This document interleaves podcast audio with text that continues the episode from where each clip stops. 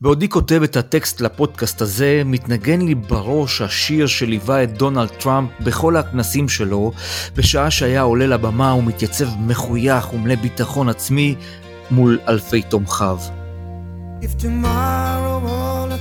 שמעתי אותו, את השיר, גם בעבר, אבל הוא נחרט לי בזיכרון בכנס בחירות של טראמפ בוויליאמספורט שבפנסילבניה, ימים ספורים לפני הבחירות בארצות הברית. עמדתי שם קפוא כמו ארטיק, ובהיתי בפנומן הפוליטי שהוא דונלד טראמפ. מילות השיר שהתנגן בקולי קולות ברמקולים הענקיים שנתלו מעל לקהל הנלהב, חיממו את האווירה. אחלה שיר, אחלה מילים, אחלה מנגינה.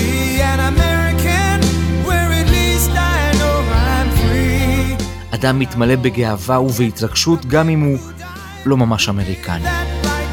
שלום לכם מאזינים ומאזינות נאמנים ותודה שעליתם על הבריקדה לעוד פרק פוליטי. הפעם נשייט לנו קצת במרחבי הפוליטיקה האמריקנית והטראמפיזם. אז דונלד טראמפ אומנם נוצח, אבל התמונות מן הכנסים שלו לא עוזבות אותי.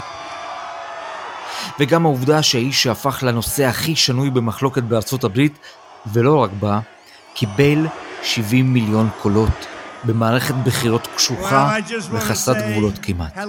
טראמפ, נדמה לי, הוא לא רק טראמפ, הוא תופעה. הוא האב המייסד של הטראמפיזם, אותה תנועה פוליטית חברתית שפרצה את כל הגבולות, בסגנון, במסר וגם במנהיגות. טראמפ הוא הטראמפיסט הראשון, וספק אם יהיה מישהו שיוכל להיכנס לנעליו. אבל האם הטראמפיזם הזה יישאר? האם עשרות מיליוני התומכים של הנשיא האמריקני היוצא ימשיכו להעריץ אותו וגם לתמוך בו, ולהתייחס למורשת הסגנונית שלו כאל נוסטלגיה שחייבים לשמר ובעתיד אולי לשחזר. support our great military. אבל האמת היא שאני לא בטוח שאני בכלל מבין מה זה טראמפיזם ואני יודע בכלל איך לנתח את התופעה הזו אז ביקשתי משני ישראלים שחיים בארצות הברית בשנים האחרונות שניהם חיות פוליטיות של ממש אחד בחוף המערבי השני בכפור של בוסטון. אורן מגנזי היה יועצו של ראש הממשלה לשעבר אריאל שרון ושילה בן זאב היה יועצו של ראש הממשלה הנוכחי בנימין נתניהו. הוא נמצא בקליפורניה מגנזי בבוסטון. שלום רבותיי לשניכם. שלום אטילה, שלום שילה.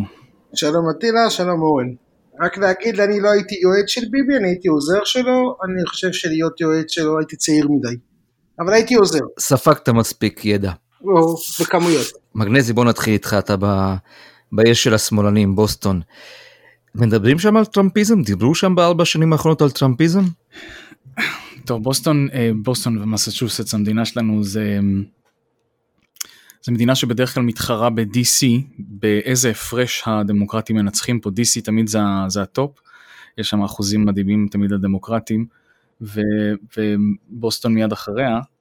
אמ, יש פה הרבה שמחה, אה, שמחה לאיד גם, יש, זה מעוז מאוד מאוד ליברלי, אמ, הרבה אוניברסיטאות, וזה גם, יש, לזה, יש, להם, יש להם מסורת של אה, ליברליזם כזה, אבל מהסוג הבאמת ייחודי של בוסטון, זה העיר הכי עתיקה הרי בארצות הברית. אמ, זה מורגש, כל מערכת הבחירות הזאת, אתה זוכר, אתה שאלת אותי בהזדמנות אחרת, לא ראית כלום, איפה, איפה היו הבחירות? הבחירות היו באינטרנט. ושם, מכיוון שיש לי חברים יחסית משוחרלקים יפה, גם לכאן וגם לכאן, אתה רואה שהאיבה והקושי להבין את הצד השני זה דבר שהוא אה, היה הדבר הכי נפוץ במערכת הבחירות הזאת. זה התחיל מסוף שנות ה-2000 אפשר לומר, או מתחיל, סליחה, מסוף שנות ה-90. ביל קלינטון מקבל אה, מדינה שנמצאת במשבר כלכלי, It's the economy stupid, מג'ורג' בוש, וכשהוא מסיים את הכהונה שלו בשנת 2001, הוא אה, מותיר לבא אחריו מדינה שיש לה גירעון, אה, יש לה, יש לה אה, עודף תקציבי, זאת אומרת אין לה חובות ויש לה כסף בבנק, שזה מצב שהוא מאוד מאוד נדיר, אנחנו כבר בטריליונים, מעל עשרה טריליון אה, חוב אמריקאי, זאת אומרת אנחנו מאוד מאוד רחוקים ממה שהיה שם. התפתחה שם כלכלת האינטרנט, זה הפך את ארה"ב למדינה עם הכלכלה הכי גלובלית שיש. וציבורים שלמים, זה לקח להם הרבה זמן, זה לא קרה מיד, אבל ציבורים שלמים שה, שהכלכלה הזאת ואמריקה החדשה השאירה אותם בצד, יצרה שם תסכול שהתגבר פעם אחר פעם. וכששואלים את עצמנו מה הביא אה, אדם כמו טראמפ, מועמד אה, לא סביר מבחינת הסיכויים, ה, כל מה שחשבנו עליו ב-2016, כל ההלם שהיה לנו ב-2016 שהוא הצליח להיבחר, הוא הצליח לתעל את התסכול הזה להצבעה. ו, וגם בבחירות האלה, זאת אומרת הוא קיבל יותר קולות משהוא קיבל פעם שעברה. שזה די מרשים, הדמוקרטים עשו עבודת רגליים והביאו את הקולות שלהם שלא באו להילרי קלינטון פעם שעברה. עכשיו הניצחון של ביידן הוא ניצחון בשברי אחוזים, הוא, הוא דומה לניצחון של טראמפ שנה, בסיבוב הקודם. אמ, יכול להיות שגם צופים שיהיה בהם אותו הפרש של לקטורים. אז אמ, סטיב בנון מדבר על זה, יש לו תוכנית מאוד מעניינת שהוא הקליט עם PBS, בסך הכל כמעט זה שלוש שעות, שהוא מפרק באמת לגורמים איך הדבר הזה נוצר ואיך הוא הצליח לגבש אותם כתנועה פוליטית. זה שווה לצפות, אמ, זמין ביוטיוב לכולם. אמ, אבל, אבל התנועה הזאת אמיתית, היא לא... טראמפ הוא, איך אומרים, הוא העונה הראשונה של הדבר הזה, אוקיי? ה Apprentice העונה הראשונה. מי, מי, מי ינחה בעונה השנייה אנחנו לא יודעים. יכול שזה יהיה הוא. יכול להיות שזה יהיה הוא, יכול להיות שזה יהיה מישהו אחר שיקח את האנרגיה הזאת. אגב, את הניצנים של טראמפ, אתם יודעים איפה אפשר לראות בבחירות 2008? לא בג'ון מקיין, בשרה פיילין, שהיא, אפשר לקרוא לזה העממיות שלה, העובדה שיש בה הרבה הפורמליות, ויש בה גם סוג של כעס על זה שהם התנשאו עליה, זה היה ההתחלה. אה, מין אה, גישה של בועה ליברלית שבאה ואומרת אנחנו יודעים מה טוב, אנחנו השולטים, אנחנו החכמים, ויש קבוצות בארצות הברית שהיו, שעשו את מה שאמרו להם, החלום האמריקאי, הלכו לעבוד, שלחו את הילדים שלהם לבית ספר, ניסו להתפרנס בכבוד, אה, תמכו בתעשיות אמריקאיות קלאסיות, תעשיות הרכב, תעשיות הפחם, תעשיות אמריקאיות קלאסיות שפשוט נעלמו, לאט לאט נעלמו. ומשפחות שלמות ודורות שלמים אה, סבלו. מבעצם התעלמות מוחלטת של מקבלי ההחלטות. עכשיו ביל קלינטון הוא איש שזכה שם לתמיכה אדירה, הם, הם, הוא, הוא ייצג אותם, הוא הרי ממדינה ענייה, לבנה, בדיוק כמוהם, והם לא האשימו אותו, כי, כי הוא התחיל תהליך שבסופו של דבר באופן אירוני קצת, אשתו זאת שסבלה אה, אה, מהתוצאות שלה. האמירה שלה על deplorables, שזה הבזויים, היא אמרה את זה, אם קוראים את מה שהיא אמרה, אז היא אמרה את זה על חלק מאוד ספציפי והיא התכוונה לזה, אבל זה בכלל לא כן. שינה, כי זה, כי זה הגדיר את התופעה, זה הגדיר את, את התחושה שיש שלטון דמוקרטי שמחובר לאליטות, מחובר למיליארדרים, ושהם כבר מנותקים לחלוטין אה, מהעובדה שהם היו פה מפלגה עממית, מפלגה שייצגה את החלשים, אה, וזה משהו שייקח המון זמן לתקן. שילה, אני מתעכב שנייה על התוכן. אה, הזכיר קודם מגנזי את אה, בנון, סטיב בנון כמובן, ולפניו היה קארל רוב, שהיה בעצם האסטרטג של, של בוש, אבל לא דיברנו בתקופתו של בוש, שגם הוא ייצג איזשהו משהו ב, ב, כשהוא היה אחרי קלינטון, בוש הבן כמובן, לא דיברנו על בושיזם. כן, אני אגיד לך מה, אני חושב שמה שאורן, אורן ניתח למה, למה טראמפ אה, הצליח לנצח ב-2016, אה, וזה מאוד נכון, אני חושב שאתה יודע, כל אמריקאי וכל מי שמבין לפוליטיקה האמריקאית יסכים עם מה שאורן אומר. אני חושב אבל שאם אנחנו מסתכלים גם על מה שקרה בבחירות האלה, המפלגה הדמוקרטית לא ניצחה. זאת אומרת, אם הבחירות האלה היו בישראל ועכשיו ג'ו ביידן צריך להקים קואליציה, אין לו אפשרות. ג'ו ביידן ניצח. ג'ו ביידן ניצח בגלל שהרבה מאוד רפובליקנים סתמו את האף והצביעו עבורו, כי הם לא יכולים לסבול את טראמפ, ואני אחד מהם.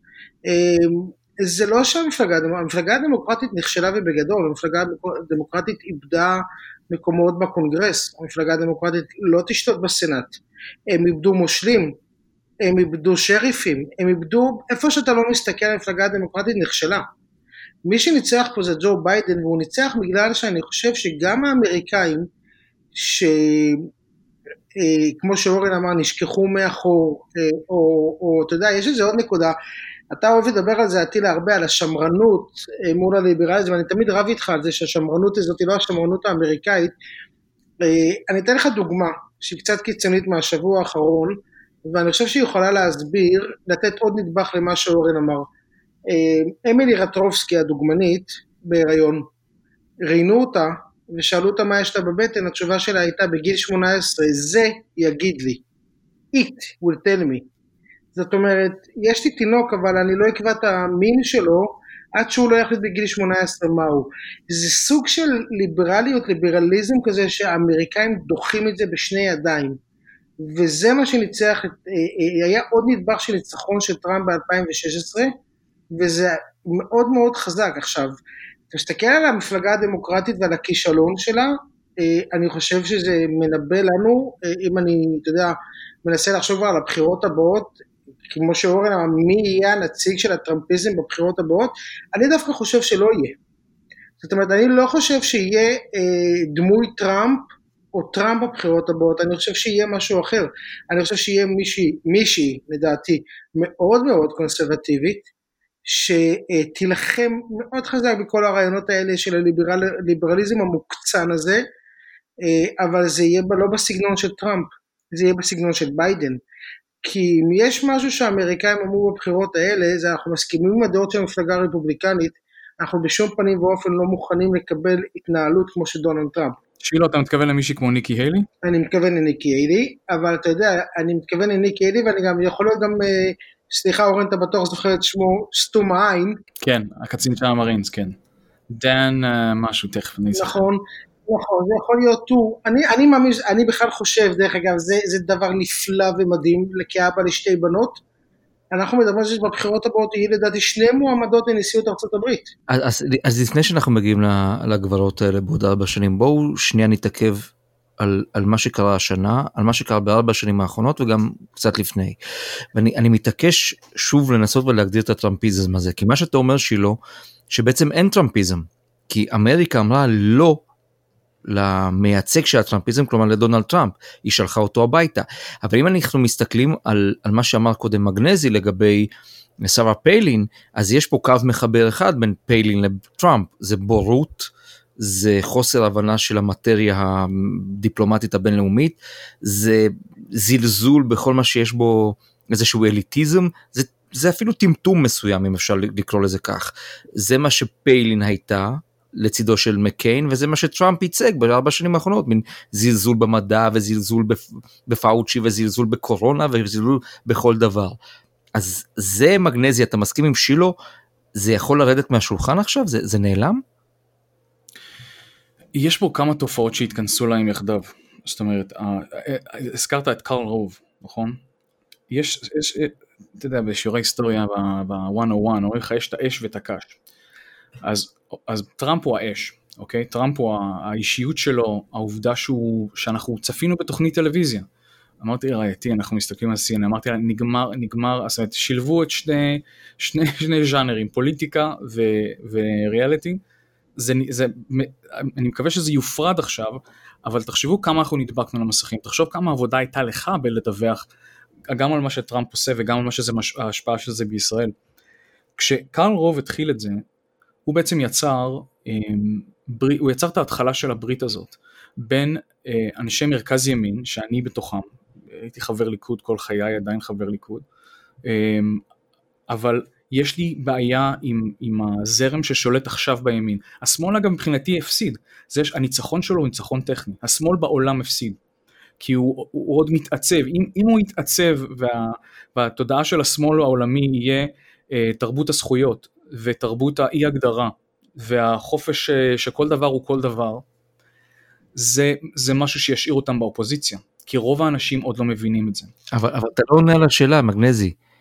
הטראמפיזם, הפליניזם, הדבר הזה כתופעה, זה, זה הפך לתנועה פוליטית מעתה והלאה, גם אם טראמפ עוזב את הבית הלבן? תשמע, זה חלק מזה, זה, חלק מזה קרה כשקבוצה של מצביעים הצטרפה בפעם הראשונה לרשתות חברתיות. ומכיוון שמאוד קל להפיץ ברשתות החברתיות את דעותיך ולבלבל בינם לבין דעות, זה משהו שכבר היום הוא אורגני. הוא כבר יכול, אגב, אתה יכול להגיד שמישהו זר התחיל אותו, אבל היום הוא אורגני לחלוטין, אף אחד כבר לא נוגע בזה. נוצרים ידיעות ותפיסות וקונספירציות, וכאילו עובדות זה בעצם הפך להיות מין אה, משהו ששייך לשמאל, או משהו ששייך לחבר'ה המתונים החלשלושים מהמרכז. ולא בעצם, ולא בעצם, עמכם הסליחה, ולא בעצם איזה, איזה משהו שכולנו יכולים להסכים עליו, שאיזה שפה משותפת.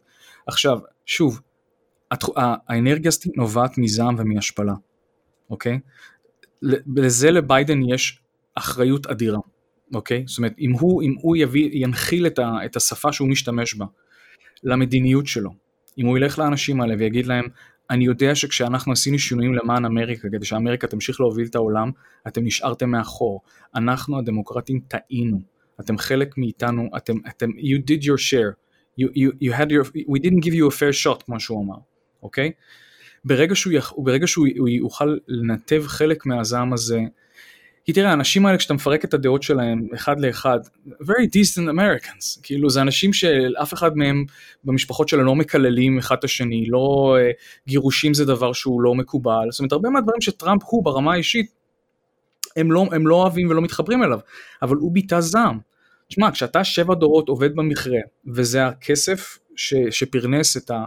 את הסבא שלך ואתה שלח את הילד שלך לגן ומשלם על הטיפולים הרפואיים שלך ופתאום זה נעלם, אז אתה יכול, זה לא משנה שום דבר, זה לא משנה כלום.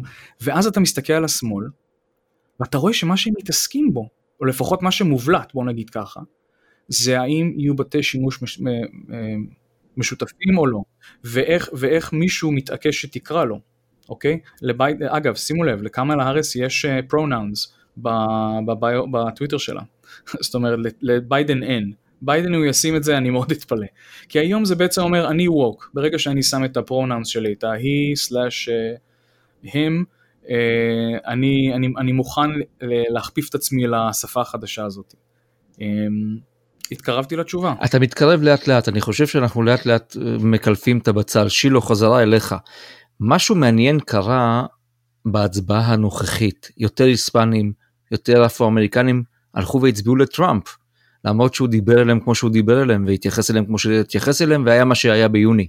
אני מתכוון להפגנות האלימות. אז קודם כל אני חייב להגיד משהו, אני אתן לך תשובה יותר ברורה מאורן.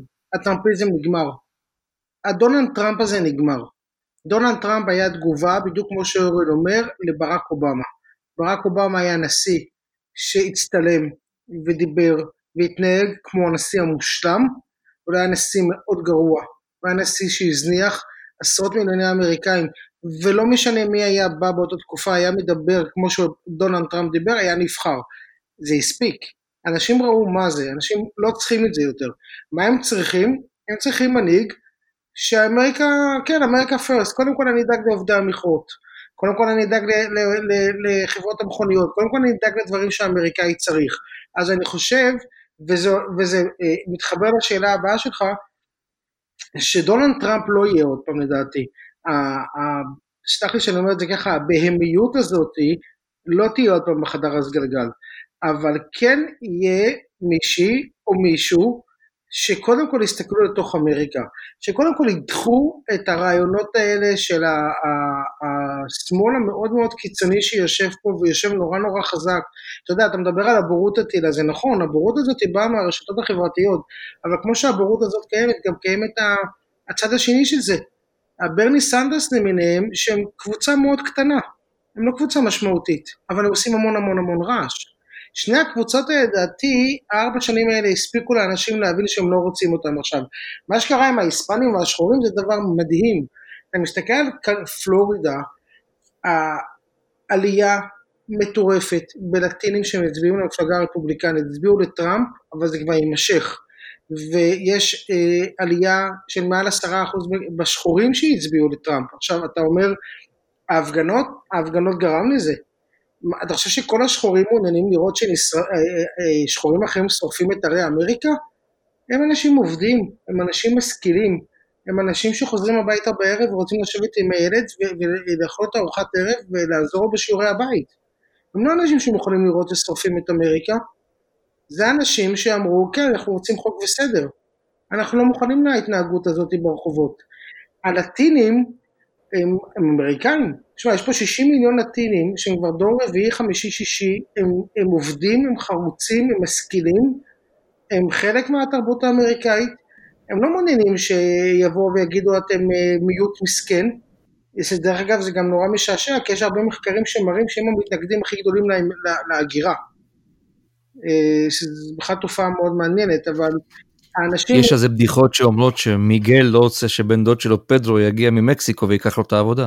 כן, על אף שאתה יודע, הרבה מאוד מהלטינים האלה שאנחנו מדברים עליהם הם כבר לא, הם כבר לא שואבי מים וחוטבי עצים, אתה רואה אותם היום כרופאים, אחיות, אחים, אה, עובדי רפואה, אה, לאו דווקא, הרבה פחות כשואבי עצים וחוטבי מים, אה, שואבי מים וחוטבי עצים, אבל אני חושב שהם הרבה יותר אמריקאים ממה שהם היו, והרבה יותר מעניין אותם איך תראה אמריקה, בגלל שגם יש להם חשש מאוד מאוד גדול מהסוציאליזם ומהקומוניזם. אבל איפה הבעיה? דווקא לא אצלם, אני דווקא חושב שהבעיה היא דווקא באוכלוסייה, ופה אורן יכול לתקן אותי או לא, היא דווקא באוכלוסייה האסייתית, כי יש פה גם תופעה מקבילה ללטינים, של אנשים שה... מה זה להיות אמריקאי הלא בסוף? אז אנחנו בארץ גדלים כישראלים, אז אנחנו צוחקים על האמריקאים, הם, הם, הם כלום, מקדונלד, סמים ו, ו, וסרטים כחולים, לא. זה הרבה מעבר לזה, זה חופש הפרט, זה חופש הדיבור, זה הפרדת דת ממדינה, זה החוקה שהיא קדושה. יש לך פה היום אנשים שאין להם שום עניין בחוקה, שאין להם שום עניין בחופש הפרט. זה דרך אגב מה שקורה בקליפורניה. יש להם עניין בדבר אחד, תן לי חיים טובים, איך אתה נותן לי חיים טובים, מה המדינה נותנת לי? כמה כסף אני יכול להוציא מהמדינה? האנשים האלה מצביעים למפלגה הדמוקרטית היום. המפלגה הדמוקרטית בעצם מבטיחה להם סוג של סוציאליזם, בו המדינה... כלומר, מה אתה אומר? שיש לטראמפיזם, יש בצד השני, יש איזושהי תופעה של אה, שמאל ביזארי, או כמעט ביזארי, סליחה שאני משתמש בביטויים האלה ויכול להיות שזה יעצבן כמה אנשים. ביזארי. שמתעסק באיך להגדיר תינוקות בגיל 18 ואיזה סוג של שלט נשים על תאי שירותים, אני בכוונה מקצין את זה לשם, כדי, כדי לשים את זה על השולחן, בזמן שהמציאות היא הרבה יותר מורכבת, האנשים הפשוטים לא מתעסקים עם הדברים האלה. אני... רגע אורן, בסוג... עתידה בסוגריים, לקבוצה הביזארית הזאת מצטרפת קבוצה שאומרת הערכים האמריקנים לא מעניינים אותי, מעניין אותי איך אני עושה חיים טובים ואיך המדינה עוזרת לי לחיות חיים טובים.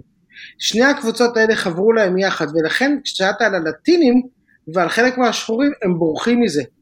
כי ללטינים כן חשוב חופש הפרט, ללטינים כן חשוב דמוקרטיה, הם באו ממדינות לא כאלה. ולכן זה מאוד מאוד מאוד חשוב להם. ולכן הם הולכים לרפובליקנים. ולכן המפלגה הדמוקרטית, אם אתה שואל אותי, זה הפעם האחרונה שהיא בשלטון להרבה מאוד שנים קדימה. בגלל ששני הקבוצות האלה חברו להם לתוך המפלגה הדמוקרטית. אורלן, אני רוצה שנייה לקפוץ לסוגיה הזו של איך חיו הקונסרבטיבים לאורך שנים בארצות הברית ואני טענתי שאחד המחדלים הכי גדולים של הפרוגרסיביות של הליברליזם האמריקני זה הפוליטיקלי קורקט. הרי נולד מין, מין, נולדה מין דת חדשה, כת חדשה ששמה פוליטיקלי קורקט ותחת הכותרת הזו סתמו לאנשים את הפה.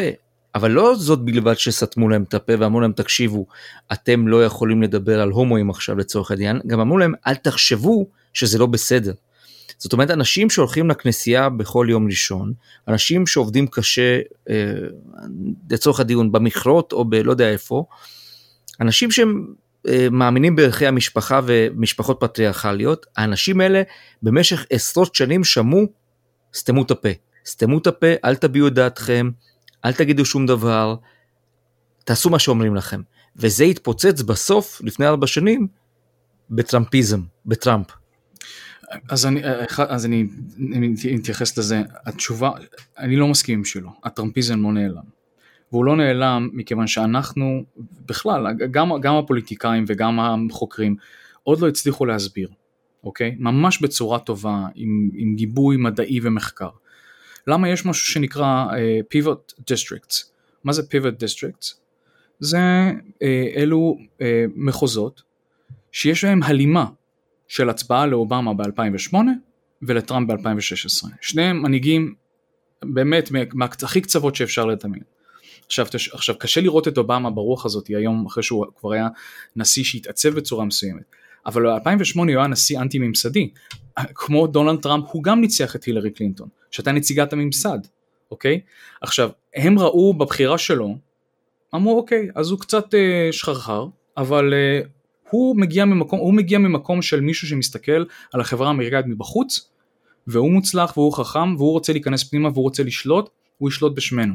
קשה לנו לראות את זה עכשיו, אבל אובמה חלק גדול מהמסר שלו היה באמת כאילו אה, אה, דומה לשל טראמפ רק בלי הטוקסיסיטי, בלי, בלי הרעילות, אוקיי? עכשיו, בוא נדבר קצת על הימין, אוקיי? כי, כי, שם, כי שם, שם זה התחיל. הטראמפיזם הוא לא מקרי, אוקיי?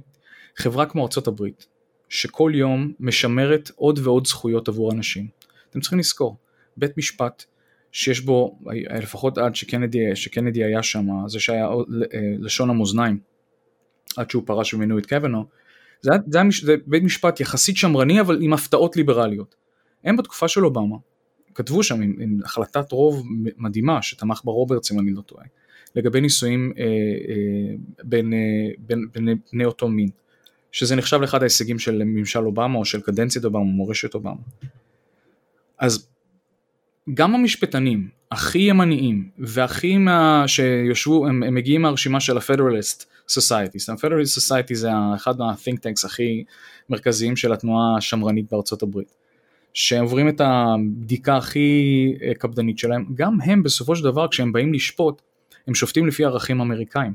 אגב, קוונו כבר בחלק מהדברים לא סיפק את הסחורה. גורסץ' הוא, תמה, הוא כתב את ההחלטה, את ההחלטה שהייתה בנושא, אני חושב שזה נושא של טרנסג'נדרים אה, בצבא, זאת אומרת יש שם, יש שם, או, או, סליחה אם אני טועה, אבל הוא כתב, הוא היה חתום על החלטה מאוד מאוד ליברלית, שכשאתה יושב ושאלו אותו את כל השאלות האלה והוא סיפר שהוא נוצרי טוב ומאמין שהולך כל יום אה, ראשון לכנסייה, זה לא משהו שהם חשבו שהוא יעשה.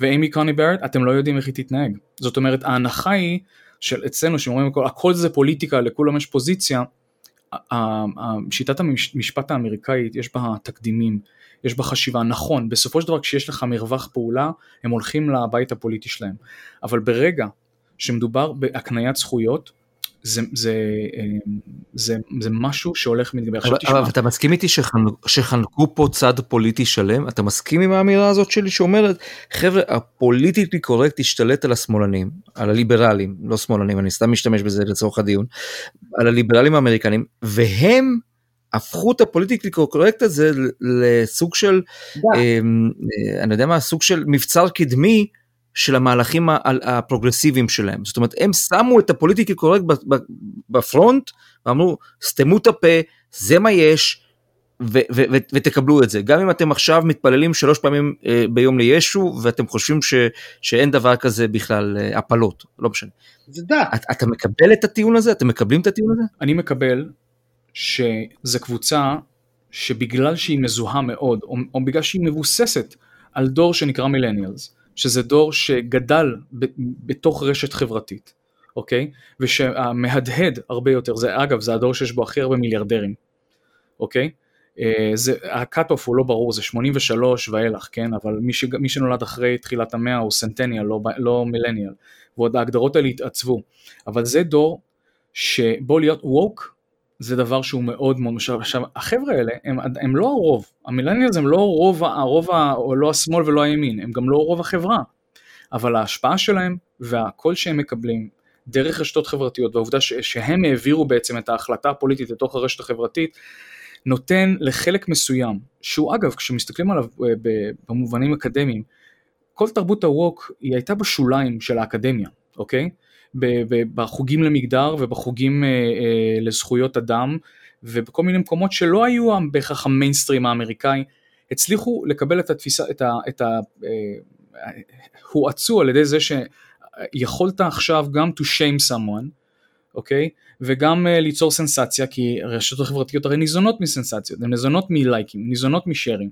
אז זה, זה כל דבר הוא עצם. לוקחים את הדברים שלא מגדירים 99% מהחיים שלנו והופכים אותם בתפיסה שלנו לרוב מה שקורה. והעוינות הזאת, האמריקאים הם מלכתחילה עם ששומר על מרחק. ה-personal space, ה-individual liberties, זה משהו שבאופן אה, אוטומטי שם מרחק בין אנשים, אם תחשבו על זה. כן. אוקיי? והעוינות שקיימת בין ג'נדרים, למשל, שהיא רק אה, התפוצצה בתקופת, אה, בתקופת טראמפ, זה משהו שנוגע אגב כמעט לכל אחד, וזה הסיבה שאתה רואה את, את האנשים שהם מיינסטרים, מתחילים לדבר איתך על תרבות ה-PC, שזה פעם היה הדיבור רק של הימין, נכון? סותמים את הפה ו-PC וזה. אתה מרגיש שאנשים שהם מיינסטרים לחלוטין אומרים, בואנה, אני גם לא יכול היום להגיד שום דבר, למרות שאני אדם שרואה את עצמו כליברל ותומך ברעייתי, זאת אומרת, גברים שהם כאילו הרגישו את עצמם מודרניים ופרוגרסיביים, אם השתמשו במילה הלא נכונה, הם ישר הוגדרו ככאלה נכון. שהם שייכים לקבוצה השנייה. נכון, וה-PC הזה, ה-PC הזה מייצר תנועות רדיקליות, אני אה, לא רוצה להגזים, תנועות אה, שוליים שעולות למרכז. שילה, אני יודע שאתה רצית אה, להתייחס לכמה דברים ששמעת פה בדקות האחרונות. קודם כל נכון, זאת אומרת, בדיוק מה שאתה אמרת, טראמפ היה תגובה לזה. איזה תרבות הקאנסל הזאת, אתה אומר משהו שלא מתאים להם, הם מסתערים עליך, הם לא עוזבים אותך, הם משמידים אותך, אתה לא מעז לדבר יותר. וזה בדיוק, וזה בדיוק מה שגרם לזה שמישהו כמו דונלד טראמפ ייבחר. ולכן אני חושב שזה לא יקרה עוד פעם, כי יש תהליך הפוך עכשיו. יש תהליך שבא ואומר, די עם זה, תנו לאנשים להתבטא, מותר לבן אדם להחזיק דעה הפוכה ממך, והוא עדיין יהיה בסדר. גם אם נגיד הוא חושב שאתה יודע, הפלות זה בסדר, אבל לא אחרי שבוע שמיני. אז זה לא הופך אותו לאויב האנושות, זה הופך אותו למישהו עם דעה אחרת ממך. וה... הדבר הזה מתחיל להיות כבר איזה שינוי, אתה כבר רואה את זה שאנשים גם, לא מהימין, אפילו אנשים שהם, אתה יודע, אה, שמאל מרכז, אומרים די עם זה. אני חושב שככל שהקולות האלה יתגברו, הקולות שלה, שיגידו אה, בואו נפסיק עם ה-PC המטופש ונשמור על ה-PC הנכון, אתה יודע, שאתה לא משתמש ב-N-word יותר, אה, אבל יש לך דברים שאתה יכול לומר, הדברים האלה ידחו אנשים כמו טראמפ. אנשים כמו טראמפ לא ימצאו מקום בחברה יותר כי החברה לא צריכה אותם יותר. ואני חושב שהסיפור עם דונלד טראמפ היה כי הוא הגיע למקום שבו לאנשים נמאס. אנשים הרגישו שהם לא יכולים יותר. וזה הביא בדיוק למה שאתה אומר, לתנועות נורא נורא קיצוניות. שמע, ארבע שנים האחרונות האלה הן היו נוראיות. הקטנה בשיח, בכל מקום. תקשיב, כשיושב לך נשיא למעלה, ומצייץ בצורה שבה הוא מצייץ, אתה יודע, זה פשוט, אה, כאילו, אני, כשהבת שלי, אתה יודע, יש משהו נורא מעניין בארצות הברית, והלוואי והוא היה בישראל, אני אומר, אולי אורן מגנזי יהיה ראש ממשלה יום אחד, ונוכל לעשות את זה, ואני לא אומר את זה בציניות, יש לו כבוד נורא גדול לנשיא. הבת שלי חוזרת, אתה יודע, מגיל שנתיים כבר, היא יודעת מי הנשיא, היא יודעת מי היו הנשיאים, היא, הנשיא בשבילה זה משהו מאוד מאוד מיוחד, היא לא תעיז להוציא מהפה, מה, מה, בת חמש, לא תשמע אומרת, אומרת אובמה, תשמע אותה אומרת President אובמה. וכשהיא באה הביתה ושואלת אותי על נשיאים, אתה יודע את מי אני מראה לה? אני מראה לה את רייגן, אני מראה לה את בוש ואני מראה לה את אובמה. אני לא העזתי להראות לה את דונלד טראמפ, אנחנו עשינו כאילו דונלד טראמפ לא היה. אתמול ישבנו לראות את הנאום של ביידן, יכולתי סוף סוף להגיד לה, תראי, עמליה, הנה הנשיא. לא יכולת להראות מי זה הנשיא, התביישת להראות מי זה הנשיא. זה הגיע לרמות פשוט נוראיות. אני חושב שזה נגמר. אני חושב שיחד עם זה המפלגה הדמוקרטית נגמרה, בדיוק בגלל מה שאנחנו מדברים, בגלל כל ההקצנות האלה.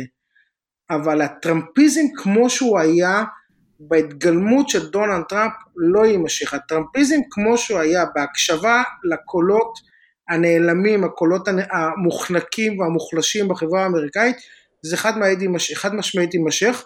אה, אני, אתה יודע, מקודם אורן אמר, אתה מתכוון לניקי איילי? אני חושב שכן, כי אני חושב שניקי איילי יודעת, היא מהגרת, היא יודעת לתת לקולות האלה ביטוי, אבל היא עושה את זה בקלאסה.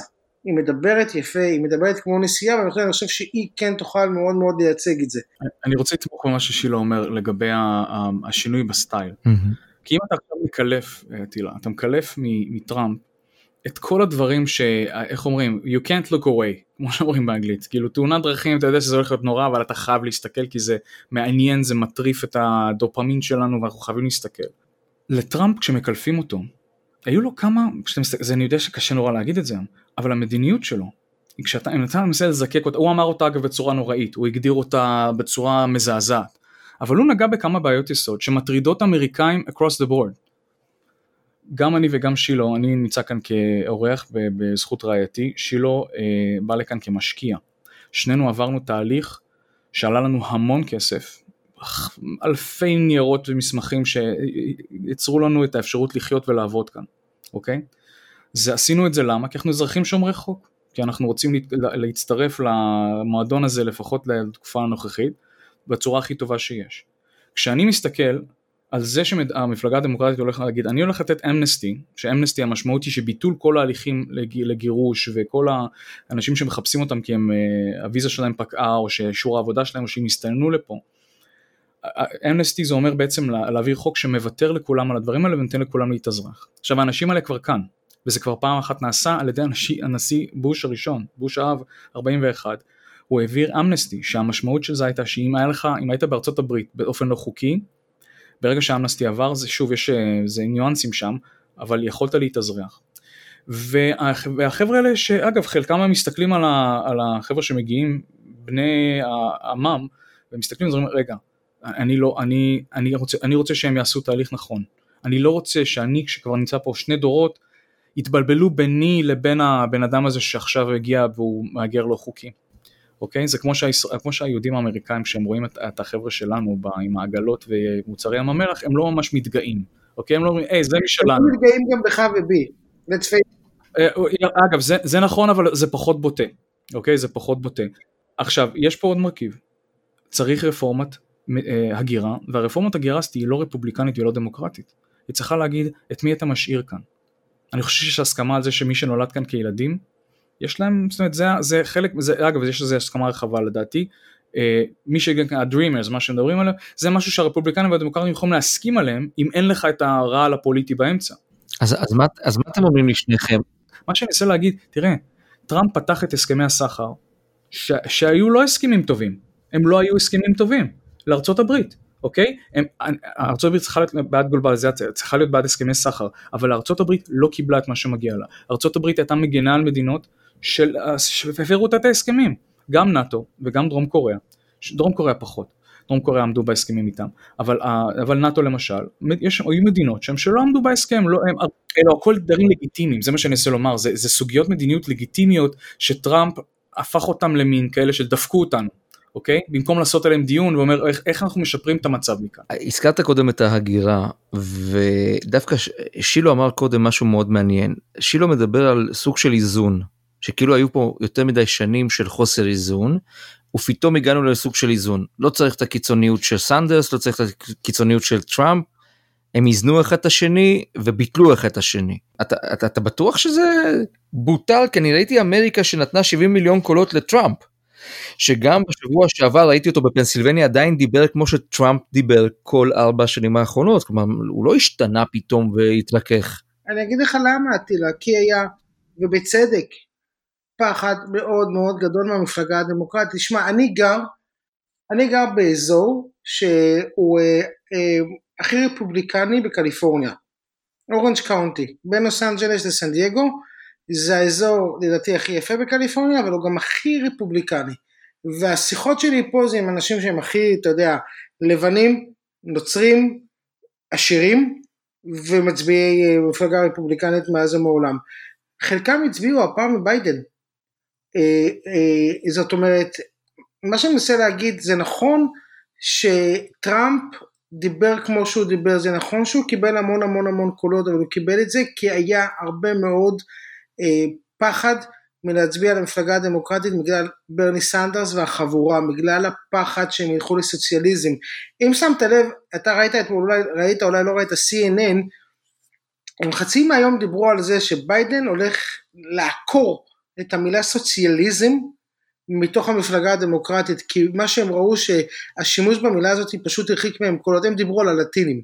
דיברו המון על הלטינים אתמול, שה Latinx, אם לא יוציאו את המילה הזאת מהלקסיקון הדמוקרטי, אז הלטינים לעולם לא יחזרו לזרועות המפלגה הדמוקרטית, וזה מה שקרה. הרבה מאוד אנשים הצביעו למפלג... לטראמפ מפחד מהמפלגה הדמוקרטית, לא בגלל תמיכה בדונלד טראמפ. זה לא תמיכה בו אישית. זה לא כמו שאנשים פה הצביעו, רפובליקנים לידי הצביעו לביידן בגלל תמיכה בביידן, כי אוהבים את ביידן, אבל מתנגדים למפלגה הדמוקרטית, הם הצביעו למפלגה רפובליקנית, לא לטראמפ. זה אותם אנשים שבבחירות הבאות הצביעו למפלגה רפובליקנית עוד פעם, ואתה לא תראה את אותם אנשים שהצביעו הפעם לביידן, מצביעים בפעם הבאה למפלגה הדמוקרטית. אני מוכן לחתום לך על מה שאתה רוצה, המפלגה הדמוקרטית לא תגיע ל-75 מיליון קולות בבחירות הבאות. אז, אז יכול להיות שבסופו של חשבון, גם אם מבקרים את דונלד טראמפ על הסגנון שלו ועל השנים הלא פשוטות שעברו על ארה"ב, בסך הכל ברמה הפוליטית צריך להגיד לו תודה, הוא איזן את המערכת. חד משמעית, אני אגיד לך משהו יותר מזה, אל תצטט אותי. במבחן התוצאה אחד הנשיאים הטובים שהיו לארצות הברית. בואו נגיד את זה בקול. אבל אחד הנשיאים הטובים שהיו הברית, במבחן התוצאה. הוא עשה את זה אה, בבהמיות, הוא עשה את זה בבורות, הוא עשה את זה באידיוטיות, אבל הוא הצליח. דרך אגב, אם אתה שואל אותי, זה נורא מצחיק, אני חושב שהוא הצליח בגלל שהוא לא חשב. זאת אומרת, הוא עשה המון דברים מתוך אינסטינקט, הוא לא הקשיב. לא יודע אם קראת את הספר של בן רודס על התקופה של אובמה. אה, אורן, אורן הוא אלוף, באמת, אורן מגנזי הוא אחד האנשים שאלופים בספרים, בתחום הזה, הוא, אני חושב שהוא קרא כל ספר שיצא, אז הוא יכול להוסיף על מה שאני אומר, אני קראתי שניים שלושה, וכשאתה קורא את בן רודס אתה מבין שאצל אובמה כל החלטה עברה אינסוף דיונים ואסטרטגיות, לא מה יהיה בתגובה הראשונה, השנייה, השלישית, הרביעית, אלא גם מה יהיה בעוד 20-30 שנה על מהלך שהם יעשו, והם נתקעו. דונלד טראמפ פשוט ביצע את מה שהוא הרגיש בבטן זה נכון, והוא פרץ הרבה מאוד דרכים שהיו חסומות בגלל זה, ובמובן הזה הוא היה אחד הנשיאים הכי טובים שהיו לארצות הברית. אבל על כל זה מכסה התנהגות לא נורמלית. תסתכל על ההתנהגות עכשיו, בואנה, אתה הפסדת את הבחירות האלה. תרים טלפון, אתה נשיא ארצות הברית. תעשה את הדברים המינימליים, הוא לא מסוגל, הוא כמו, הוא כמו ילד בן שלוש שלקחו לו את המוצץ. ואתה מסתכל על הדבר הזה ואתה אומר מה זה, ואז אתה, אתה פשוט מבין שכן, הוא היה איזון, הוא לקח את הספינה חזק מאוד, איטה אותה מאוד ימינה, ועכשיו ביידן יבוא יאזן אותה לאמצע, יהיה רוגע, יהיה שקט, לא יהיה אטרף של טוויטרים מהבוקר, לא יהיה ציוצים, לא יהיה כלום, ואני חושב שהחברה האמריקאית מאוד תירגע, ואתה יודע, היא תתמקד. מי, דמוק, מי שמאלן, אתה יודע, שמאלן, אני מתכוון לא שמאלן של המאזינים לא יתבלבלו, זה לא השמאלן בישראל פלסטינים לא פלסטינים, זה, זה כלכלה, משפט, מי נמצא במקום הזה, מי נמצא בימין. ולכן אני חושב שבבחירות הבאות אנחנו נראה מפלגה רפובליקנית מאוד מאוד מאוד חזקה להרבה מאוד מאוד שנים, מפלגה דמוקרטית מאוד מאוד חלופה. כי לשם זה הולך. התמונה תתאזן. אבל מפלגה, אבל מפלגה רפובליקנית אורן מגנזי שהיא אה, מתונה יותר, כלומר יותר ממסדית, יותר מדברת בצורה יותר מכובדת, כמו שאומר שילה, או שמפלגה רפובליקנית שיכולה שוב לחזור בעוד ארבע שנים לזרועות איזשהו טראמפ כזה או אחר, שאולי יהיה, ידבר בצורה יותר מנומסת, אבל מתחת לפני השטח יבצע מהלכים רדיקליים. תשמע, דונלד טראמפ חיסל 16 מועמדים לנשיאות, אכל אותם בלי מלח. אנשים עם חלקם, חלקם ליצנים, כמו שיש בכל פריימריז, וחלקם חבר'ה רציניים, מושלים ושרים בממשלה לשעבר, ואנשים עם רקורד קונסרבטיבי לעילא ולעילא, אוקיי? אחד כמו מרקו רוביו שיש לו, לו גם בכלל יתרון בקרב הלטינים, הוא השמיד אותם. עכשיו, אתה שומע, אין, אין רפובליקן אה, סביר בקונגרס שחושב שטראמפ עכשיו יכול להפוך את התוצאות. אני, אני יושב על זה כבר כמה, כמה וכמה ימים, אין אפשרות להפוך את זה, ויש מעכשיו עד ה-20 בינואר כמה וכמה שסתומים שטראמפ פשוט לא מסוגל לעבור. אם תרצו ניכנס לזה אחר כך זה נושא מעניין בפני עצמו, אבל הוא לא מסוגל. למה הם לא יוצאים נגדו? הרי לכאורה אתה השתחררת עכשיו מעולו. הרי הוא היה, הוא היה מפטר סנטורים, אם הוא היה שם איקס על סנאטור, הסנאטור הזה או מחליט לא להתמודד, או הוא מפסיד בפריימריז, למועמד שטראמפ תמך בו ברוב המקרים. עכשיו, כדי, כדי שה... שוב, בתוך, בתוך תזכרו שכשאנחנו מסתכלים על מפלגות, על, על, על ארה"ב, יש לנו שתי מפלגות, שמורכבות מתתי מפלגות. עכשיו, איך הימין הבאמת שמרני, שרואה את העולם במונחים דתיים, במונחים שבמובן מסוים הם לא הפרדת דת במדינה, אלא הטמעת הדת במדינה. אוקיי? איך מנצחים הקצוות? הם מכריחים אותנו לבחור. הם אומרים בוא נחלק את העולם לחצי. אתה בעד השמאלנים, אה, הגייז, הטרנסג'נדרים, ואני בעד אמריקן פאי ודיסנסי וסיינדיי סקול, כן? האמריקאי הממוצע אומר ברור שאני איתך. זה כמו שאותנו שואלים האם אתה בעד החמאס או בעד צה"ל, אוקיי? זאת אומרת, זה ממש, זה, זה, זה הדרך היחידה אגב של קבוצות קיצוניות להביא אותנו למצב שבו אנחנו צריכים לבחור, אתה בעד המהגרים או שאתה בעד אמריקאים? זה ברור שאם אתה, אם התשובה יכולה להיות רק אחד מהשניים, אתה, רוב האנשים יגידו אני בעד מי שנמצא כאן כבר, לפני שאני מכניס מישהו אחר כי יש פה הרבה אנשים עניים. מצד שני, ארצות הברית גדלה והכלכלה שלה מתפתחת והיא, והיא, והיא הופכת להיות יותר מעניינת והגנטיקה משתפרת ומה לא? הכל הכל נהיה יותר טוב כשיש כניסה איטית ומסודרת וחוקית של מהגרים. תראו את היהודים high achieving minority. תראו את האסייתים high achieving minority. הלטינים מאחוריהם. מי שנשאר בינתיים אה, למטה זה השחורים מסיבות אחרות שהם נושא לפודקאסט אחר. אוקיי? עכשיו זה זה מין זה, אני אומר לכם, החלוקה הזאת שמייצרים, האילוץ הזה שמייצרים מייצרים אה, בתוך, ה, בתוך הדברים האלה, גורם לנו לפשט נושאים שהם חשובים. אם אני אומר, אני בעד המהגרים, כן, אני בעד המהגרים, בתנאים מסוימים, בכללים מסוימים, כן, הגירה צריכה להיות כאן חוקית, עם מכסות, אנחנו לא יכולים לקבל פה כל פליט, אבל זה, שימו לב, כמה זמן לקח לי להסביר את כל הניואנסים בתוך הדבר הזה. אם אני אומר, אתם בעד הפליטים או אתם בעד האמריקאים, אתם בעד המסתננים או בעד אנשים שאין להם עבודה פה והם רעבים ללחם, אחים שלנו האמריקאים. אז בטוח שאתה בכלל לא יכול לנהל שום זה. עכשיו... כן, זה, זה ברור, זה דטרמיניזם של הפוליטיקה במאה ה-21, אורן מקנזי. אבל אורן, זה, זה, זה לא שונה ממה שקורה בישראל לצורך הדין, הדיון. יש דטרמיניזם כזה שאומר, סרטן בגוף האומה, רגב, מירי, על הפליטים מאפריקה, או על המסתננים כן. מאפריקה, תקרא להם איך שאתה רוצה, וזה מאוד פשוט, זה מחלק את, ה, את הכל לשניים. אתה בעד או נגד, אבל אני לא רוצה ללכת לשם, כי זה פותח באמת פודקאסט חדש, ואני אני דווקא רוצה להתחיל לסכם את הפודקאסט על, על, על הטראמפיזם. אז בעצם אתם אומרים, אתם אומרים שניכם פה, אה, הטראמפ, הטראמפ הודח, שילו אומר הטראמפיזם מת, אבל אתה אומר אורן לא בהכרח, ושילו אני נותן לך את מילת הסיכום הראשונה שלך שתהיה. כשאתה מסתכל רגע ארבע שנים קדימה אתה אומר בעצם ארבע השנים הקרובות של הדמוקרטים הן, הן, הן ארבע השנים אולי האחרונות של המפלגה הזו בשלטון? כן. לדעתי חד משמעית, אני חושב שהמפלגה, הדור של ביידן, ביידן בעצם מסיים אה, דור, דור אה, של מנהיגים שהיה להם מאוד חשוב להיות במרכז, שהערכים האמריקאים של חופש הדיבור, חופש הפרט, אה, קפיטליזם, הם ערכים מובילים. הדור הזה יוצא, אה, בואו נקווה שביידן יחזיק ארבע שנים, אבל מקסימום זה יהיה עם, עם הסגנית שלו לאורך הארבע שנים האלה. אחרי זה אני חושב שאנחנו הולכים למפלגה רפובליקנית שתשלוט להרבה הרבה הרבה מאוד שנים קדימה, מכיוון שראינו בבחירות האלה כוחות שמצטרפים, זה לא אה, מה שהמפלגה הרפובליקנית, המפלגה של הגבר הלבן הנוצרי. אה, יש לך את הלטינים שהצטרפו, יש לך את השחורים שהצטרפו, יש לך את ה... לבנים שהיו במרכז ולא יכלו לקבל יותר, לא מקבלים יותר את ה... אתה יודע, את השנאת העשירים, את השנאה לקפיטליזם, את העוינות לכל מי שלא חושב כמוני, והדברים האלה, כל, ה, כל הנקולות האלה הולכים לטובת המפלגה הרפובליקנית. דרך אגב, תראה, זה כבר קרה עכשיו. אם אתה מסתכל על כמות המושלים, הרפובליקנים ניצחו במושלים, שריפים, הם ניצחו בשריפים, הם ניצחו בשופטים, הם ניצחו כמעט בכל בכל מקום, כולל בקליפורניה. גם, גם בצפון, אה, גם פה בניו המשר, לקחו את שני בתי הנבחרים, העליון והתחתון בניו המשר, שזה אמור להיות כאילו, שם הצביעו לטראמפ, לביידן לזה, אבל נתנו לרפובליקנים במדינה את השלטון. אתה מבין?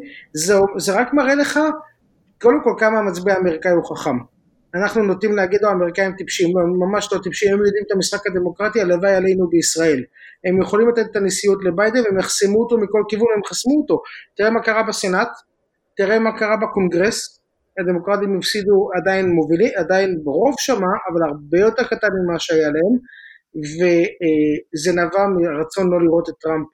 אני חושב שבבחירות הבאות אם הרפובליקנים יעמידו בראשם אדם ראוי, אני חושב שהם ינצחו בפער עצום, וזה יהיה לאורך המון המון שנים.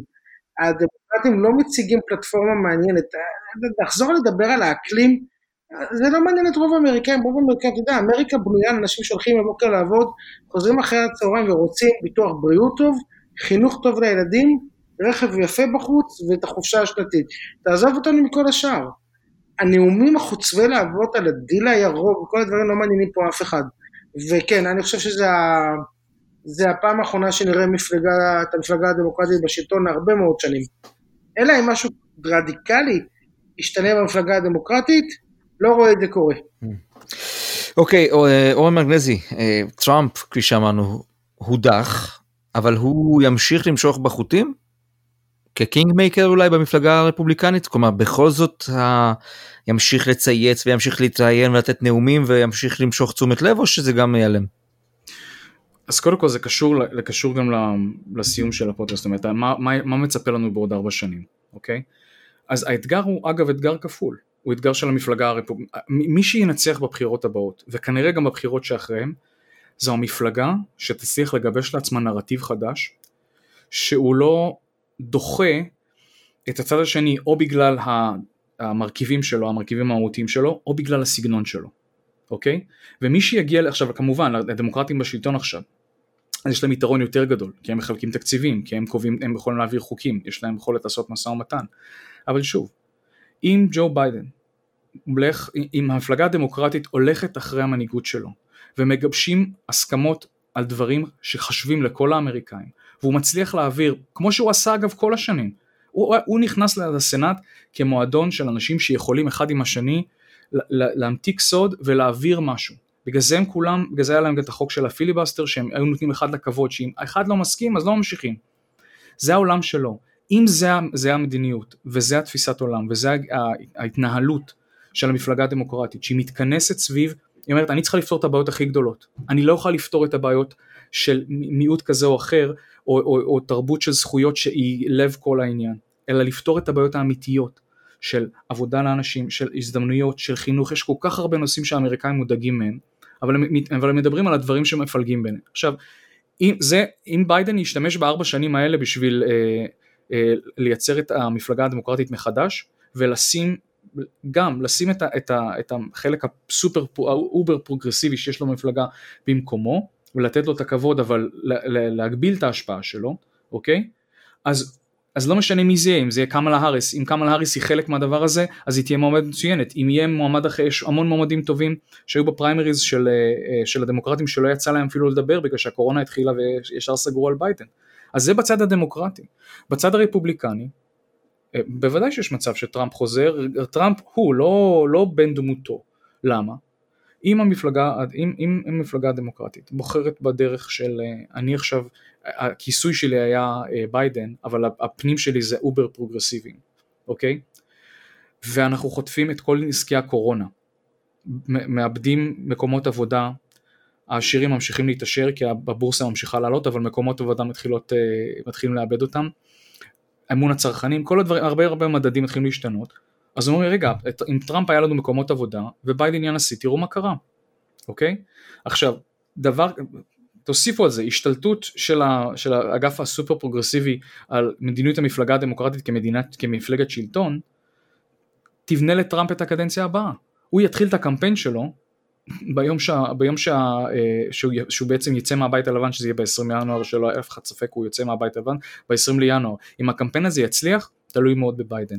אם המפלגה הרפובליקנית מאידך תגיד, יש נושאים של חשובים לעם האמריקאי, אנחנו רוצים פחות מיסים, מצד שני אנחנו רוצים פיתוח, אנחנו רוצים השקעה בתשתיות שזה קלאסי נושא רפובליקני של השקעה בתשתיות ולא השקעה ב, ב, אה, בקצבאות למשל, אוקיי? אנחנו רוצים הגדרה של, ה, אה, של נושא ההגירה, אנחנו רוצים לעצב מחדש הרבה מאוד דברים שרוב האמריקאים מסכימים עליהם, ושמים מישהו שיש לו את היכולת לדבר עליהם בצורה מורכבת, אוקיי? ושמים את האגף האולטרה ימני והפופוליסטי בדיוק איפה שהם צריכים להיות, בצד של המפלגה האמריקנית. אז הם באים, אז הם באים, אז הם באים, הם באים עם, עם מטען יותר טוב. אני לא יודע לאיפה, לאיזה כיוון זה, לאיזה כיוון זה ילך, כי זה תלוי כן. גם בהרבה בני אדם, זאת אומרת, מי המנהיג שיוכל לבטא את זה. אוקיי, אורן מגנזי בבוסטון, שילה בן זאב בקליפורניה, רבותיי. עטילה, רק נקודה אחת על מה שאורן אמר, צריך לזכור. ודונלד טראמפ מהרגע שהוא לא נשיא, יש בעיה משפטית מאוד מאוד מאוד גדולה. התובע של ניו יורק אחריו בכל הכוח. לא בטוח שיש לו זמן להתעסק עם כל השאר. Hmm. עם זווית מעניינת. שוב אודה לכם רבותיי. תודה רבה. תודה טילה. אז זהו זה, אתם יכולים לרדת בינתיים מן הבריקדה.